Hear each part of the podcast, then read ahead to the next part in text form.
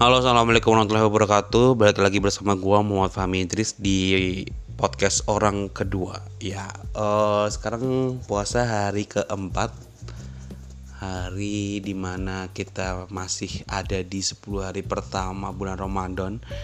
Yang biasanya kalau orang-orang nggak biasa puasa itu berat. Karena nahan lapar, nahan uh, amarah, nahan sabar, nahan nahan, amarah ya sabar nahan apa pun yang membuat kita dalam amal jariah pahala gitu ya.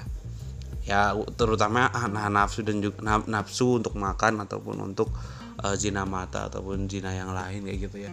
Itu merupakan ujian terberat di bulan puasa hari pertama hari 10 hari pertama gitu ya. Nanti 10 hari kedua baru um, terbiasa. 10 hari terakhir tinggal menjalani kebiasaan itu ditingkatkan lagi kayak gitu. Uh, hari ini mungkin gue akan bercerita tentang kenapa gue kemarin pergi dari Jogja gitu ya.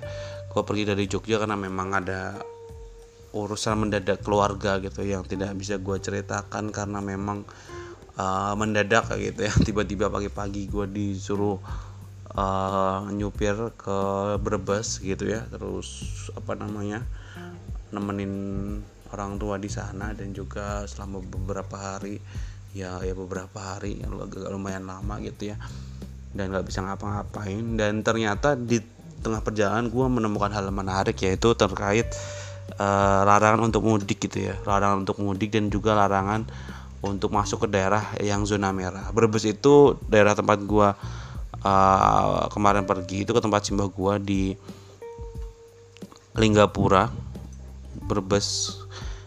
Itu merupakan zona merah uh, pandemi corona gitu ya yang di mana sangat dijaga ketat sama pemerintah sana gitu ya.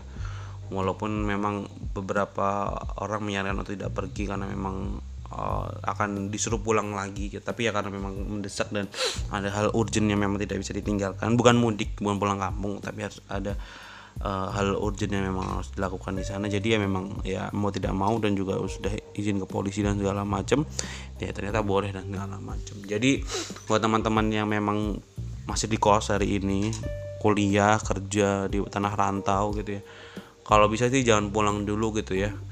Karena memang uh, sayang duit gitu ya. Sayang duit kalau mau teman-teman pulang gitu ya. Ternyata disuruh balik lagi gitu. Jadi rugi duit gitu ya rugi duit.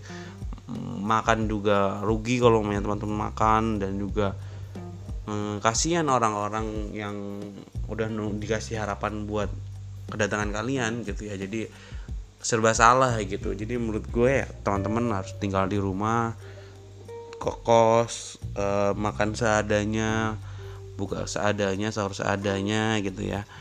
Uh, berjuang gitu ya.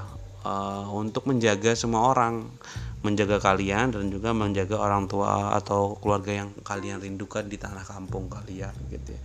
Karena seyogianya uh, mungkin negara ini sedang ketakutan dengan namanya virus corona gitu ya. Walaupun memang tidak tidak dipungkiri bahwa media juga ngasih tontonan ke kita semua itu adalah ketakutan-ketakutan terhadap bahaya corona. Tapi memang nggak apa-apa juga sih untuk apa awareness kita gitu ya.